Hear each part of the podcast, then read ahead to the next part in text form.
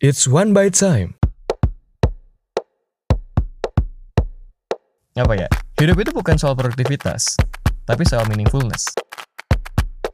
Jangan lupain hal yang paling penting untuk diri lu sendiri, which is yang paling paling dekat adalah diri lu sendiri.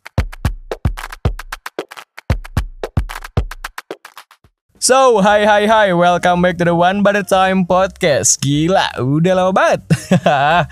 Baik lagi bareng gue Firza pastinya, yang di mana udah dua bulan banget nih, dua bulan parah lebih malah dari kita terakhir waktu ngobrol bareng gitu ya. Ini terakhir 16 19 Juli gue lupa. Ya antara itulah pokoknya Juli. Waduh, udah lama banget. Dua bulan ini ya lagi banyak juga yang gue urusin kebetulan jadi nggak keurus juga gitu ya ternyata dua bulan ya. Juni Juli Agustus September. Iya juga ya ternyata dua bulan doang kirain lama banget. Ya dua bulan juga lama sebenarnya.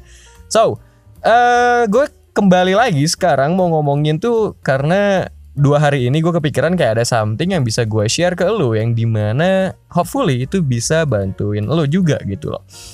Jadi buat lo yang dengerin sekarang, mungkin juga lo udah ngeliat juga kemarin gue ngeposting di Instagram tentang apa ya hidup lebih meaningful. Widih. di seumuran kita lah ya yang masih-masih anak-anak muda gituan ya 20-an mau ngarah ke 20 pasti selalu mikirnya kayak apalagi nih harus gue lakuin gitu ya? Apalagi nih yang harus gue capai lah di di, di tahun-tahun ini misalkan? Atau setiap harinya aja gitu. Lu mikirin kayak kok gue nggak produktif banget gitu ya? Kok gue kayak gini-gini doang gitu kan? Kok bosen kok males kok gue rebahan mulu segala macem gitu ya tapi gue bakal ngasih perspektif lain yang di mana dari kebanyakan yang bilangin soal hidup itu harus produktif dan segala macam, gue bakal ngasih tahu bahwa hidup itu bukan soal produktif tapi soal meaningful gitu. Gue ini sebenarnya dapat inspirasi dari temen gue. Kebetulan dia itu ngetrack hariannya, sehari-harinya dia itu dalam setiap 30 menit itu ngelakuin hal yang meaningful gitu loh. Jadi di track sama dia. Yang di mana ini jadi hal yang menarik menurut gue ya semua orang itu rata-rata mikirnya produktivitas, produktivitas, produktivitas, produktivitas, tapi akhirnya suka ngelupain makna di dalam hal yang dikerjain itu sendiri gitu loh. Dan gue kemarin juga di Instagram selain ngomongin soal si makna ini, meaningful ini, ada sangkut pautnya sama emosi akhirnya ya dong gitu loh. Ada yang berpendapat kalau misalkan emosi akhirnya menjadi hambatan dalam setiap langkah kita gitu loh. Bahkan kayak akhirnya nantinya bisa nyusahin lah atau segala macamnya gitu loh. Karena dengan ya mungkin dalam menentukan keputusan segala macam itu emosi akan terlibat dan itu bakal susah untuk menyesuaikan mana yang terbaik untuk diambil kan gitu ya. Tapi banyak juga ternyata yang bilang bahwa ternyata emosi itu juga penting gitu loh dalam pertumbuhan kita gitu loh secara manusia yang di mana EQ lah ya tahu lah ya emotional intelligence yang di mana itu juga penting juga gitu loh untuk terhadap diri kita bisa grow gitu loh bisa secara growth kita itu juga lebih bagus lagi nantinya gitu. Karena di umuran yang sekarang 20 something gitu ya 20 something gue ngerasa kayak banyak orang-orang yang apa ya nggak sabar gitu loh. Nggak sabaran untuk akhirnya apa ya ngelangkah dalam prosesnya itu gitu loh. Mungkin ini ini agak perspektif beda juga nih. Kalau misalkan ngomongin soal kayak ngelangkah dengan apa prosesnya dan juga sabar segala macam, let's say lu udah ada di tahap di mana lu berproses nih, let's say gitu ya, lu ngelangkah dengan ada lu udah punya tujuan gitu loh segala macam dan lu ngelangkah, lu mungkin bisa apa namanya ya dengan sabar tanda kutip nih ya untuk menjalani prosesnya gitu loh. Tapi sabar di sini yang gue maksud itu beda nih dengan sabar yang di saat proses kayak tadi itu yang gue contohin gitu loh. Maksud sabar di sini adalah setelah kita let's say tadi yang gue bilang lu misalnya berproses dan lu sabar melakukan proses itu dan melangkah terus, ada satu titik di mana ngerasa bahwa pingin cepet-cepet berhasil. Pingin proses ini tuh cepet-cepet udahan gitu loh. Udah udah tercapai aja gitu nantinya gitu loh. Maksudnya apa? Sekarang gini, kalau misalkan mikirin kayak sekarang umur let's say 20 lah, 21 gitu ya, 20-an gitu. Ya awal-awal 20 banget dan mikir kayak wah gue umur 25 tahun harus anu gitu 23 tahun atau 25 tahun gue harus punya nantinya bisa uh, ngasih ke orang tua let's say mobil gitu loh atau ya nantinya lu bisa kayak beli rumah or something gitu di umur 27 something gitu tapi masalahnya sekarang kalau dipikir lagi umur lu tuh 20-an let's say 20 21 22 let's say itu 19 or sebelumnya juga gitu itu tuh ya, let's say lo ambil jarak agak jauh nih, agak jauhin aja dikit gitu, sampai 30 lah. Dari umur 20 tahun sampai 30 tahun itu masih ada 10 tahun, boy. 10 tahun tuh kalau misalkan ya banyak orang yang bilang 10 tahun gak akan kerasa. Kerasa. Percaya sama gue. Kalau misalkan lu akhirnya mikir ke belakang nih gitu ya, lu ingat-ingat lagi. 10 tahun lu yang lalu dengan 10 tahun dengan dengan diri lu yang sekarang, sorry, dengan diri lu yang sekarang. Itu lu ya dengan kita umuran segini 10 tahun yang lalu tuh masih bocah gitu kan. Dan sekarang kita kayak udah harus ngurusin acara something lah, ada project sama temen lah, ada kita mau cuan di mana, freelance lah atau lagi di mana, bla bla bla magang atau something dengan kuliah segala macem gitu loh. Itu perubahan yang drastis sebenarnya kalau lu lihat gitu ya. Gue memang masih dengan seumuran lu juga, makanya gue bisa ngomonginnya dari sudut pandang yang ya searah muda ini juga gitu loh. Tapi kalau misalnya diingat-ingat lagi ya iya gitu loh, kayak perubahan itu jauh banget dan banyak dari kita itu yang nggak sabar terhadap hal itu dan pingin kayak mencapai sesuatu dengan tujuan lo itu pingin cepet aja gitu loh. Kayak 4, 5, 3 tahun gitu loh tercapai. Padahal gue sering banget nih kan kayak dengerin kayak proses-proses dari bisnis-bisnis coach segala macem gitu ya. Dalam ngebangun bisnis bahkan di tahun ketiga itu jadi tahun yang paling berat. Tahun ketiga loh lu mau mau lima tahun terus sudah langsung jadi gitu kan? Itu tahun ketiga lo dua tahun dari lima tahun itu gitu loh. Kalau misalkan lu mau lebih bagus lagi ya lebih sabar gitu loh. Jadi dalam apa ya kesabaran dalam menjalani proses ini bukan hanya sekedar dalam pingin dan mau dan apa ya rela untuk menjalani prosesnya doang, tapi juga bisa lebih sabar terhadap proses lu sendiri itu gitu loh, terhadap diri lu sendiri, terhadap tujuan lu juga gitu loh. Jadi maksud dari apa yang gue omongin sekarang adalah ini sangkut pautnya sama makna tadi meaningfulness dan juga dengan emosi kita gitu ya plus kesabaran tadi. Soal menjalani hidup ini gitu ya gue kalau cerita sedikit dari tahun 2019 akhir gue sampai 2020 akhir itu bener-bener jadi orang yang ngelakuin sesuatu itu ya bisa dibilang menggebu-gebu banget gitu ya. Walaupun cuma satu tahun tapi gue ngerasain banget nih gitu loh bahwa apa ya gue punya tujuan. Dan gue kayak ngelakuin apa pun yang yang harus lah ya tanda kutip harus dilakuin untuk sampai ke sana gitu. Dan akhirnya walaupun ya ya belum tercapai juga cuman akhirnya gue mempelajari sesuatu gitu loh. Bahwa ternyata selama gue proses satu tahun itu ada banyak yang gue lupain. Yang paling utama adalah diri gue sendiri. Gue juga udah ceritain ini di postingan Instagram gue kemarin yang di mana gue bilang diri sendiri ini kebanyakan dilupain padahal. Padahal diri sendiri inilah alasan kenapa ngelakuin proses itu gitu loh maksudnya diri diri kita gitu kan itu punya tujuan dan akhirnya tujuan itu kalau misalnya tercapai untuk siapa? Untuk diri kita lagi gitu loh. Tapi kadang bahkan seringnya dalam proses menjalani sampai akhirnya mencapai tujuan itu gitu loh. Kita malah sering lupa dengan diri kita sendiri padahal kan harusnya tujuan itu buat diri kita sendiri yang di mana prosesnya pun harusnya melibatkan dari diri kita sendiri seutuhnya juga gitu loh.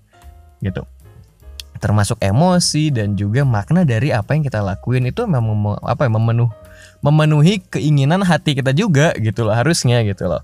Jadi selama setahun itu gue bener-bener kayak fokus doang. Walaupun sebenarnya itu bagus ya cuman gue jadi ngerasa semua yang gue lakuin itu tanda kutip adalah kerjaan gitu loh. Termasuk gue tidur gue harus tidur jam seanu. Jadi kayak harus ngerjain tidur gitu loh terus kayak let's say nonton film lo atau nonton film lo atau refreshing atau gue main game atau something tuh kayak hal yang harus gue kerjain. Bahkan ketemu temen buat gue sharing my thought gitu loh.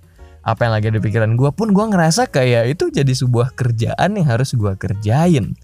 Nah itu udah parah banget gitu loh. Dan gue apa ya gue berharap lu yang dengerin ini nggak kayak gitu juga gitu loh. Karena nggak enak men sumpah. Maksudnya gini itu jadi hal yang salah sebenarnya gitu loh jadi nggak bisa ngebedain mana hidup mana yang ya mana mana hidup gitu loh. Mana hidup mana yang harus lo kerjain gitu. Loh jadi nggak bisa dibedain gitu. Jadi selama bisa dibilang ada lah ya satu semester ini atau beberapa bulan ini gue lebih apa ya kembali lah gitu ya mencari kembali my inner child lah gampangnya gitu ya.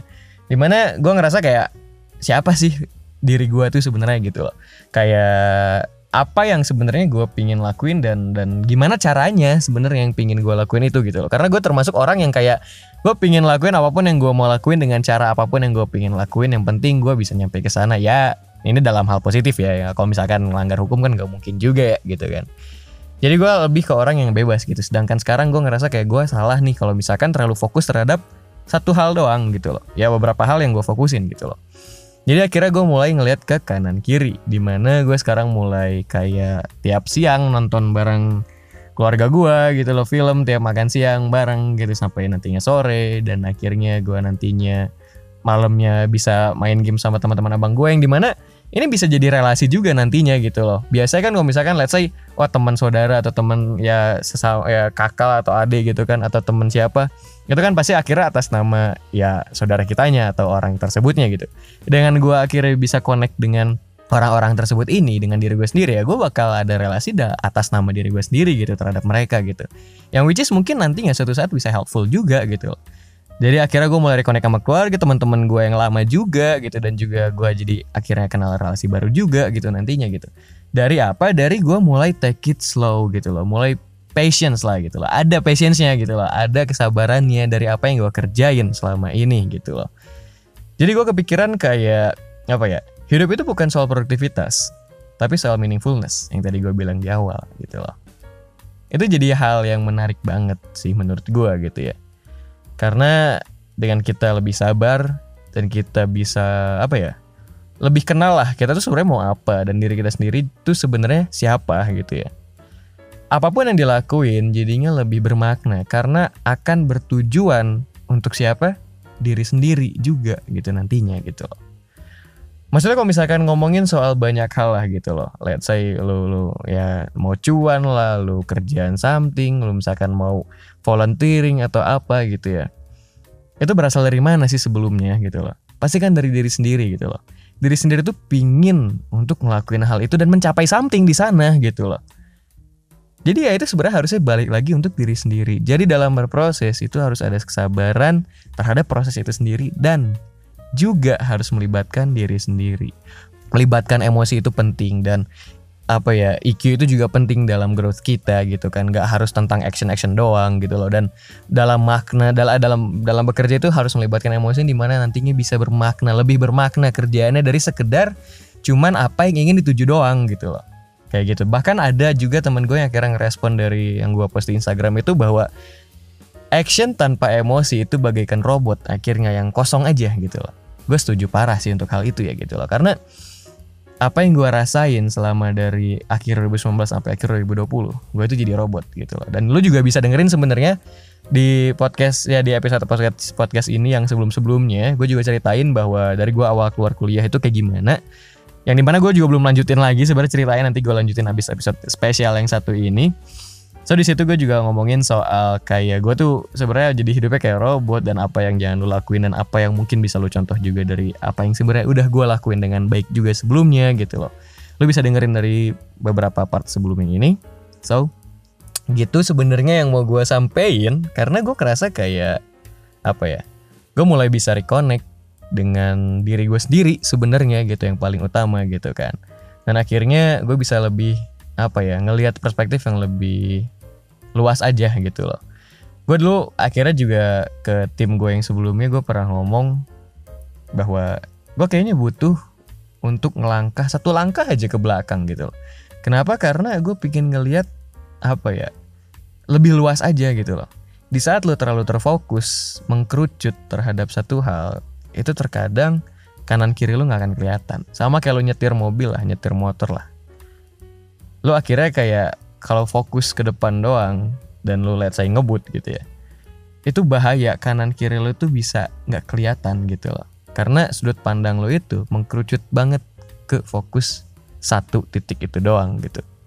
Ya begitu pun di hidup gitu kan. Jadi kalau misalkan kita bisa ngeliat something yang lebih luas kenapa enggak gitu loh. So penutupnya mungkin gue bersyukur aja karena gue bisa apa ya mungkin ya ngalamin hal ini dan juga mikirin hal ini dan dapat pencerahan mungkin ya gitu.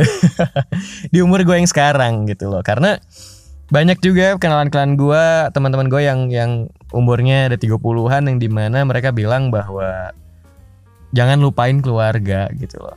E, diri sendiri kesehatan dan ya happiness dari fulfillment diri lu sendiri juga gitu loh karena apa yang paling penting itu kadang suka dilupain hanya karena fokus kita yang terlalu menggebu-gebu gitu loh. Jadi walaupun lu bisa bersabaran proses dan lu punya tujuan yang ambisi yang gede banget, jangan lupain hal yang paling penting untuk diri lu sendiri, which is yang paling paling dekat adalah diri lu sendiri. That's it. So yeah, that's it for apa ya? Bisa dibilang episode spesial yang sekarang. So, see you in the next bite. And as always, have a nice day.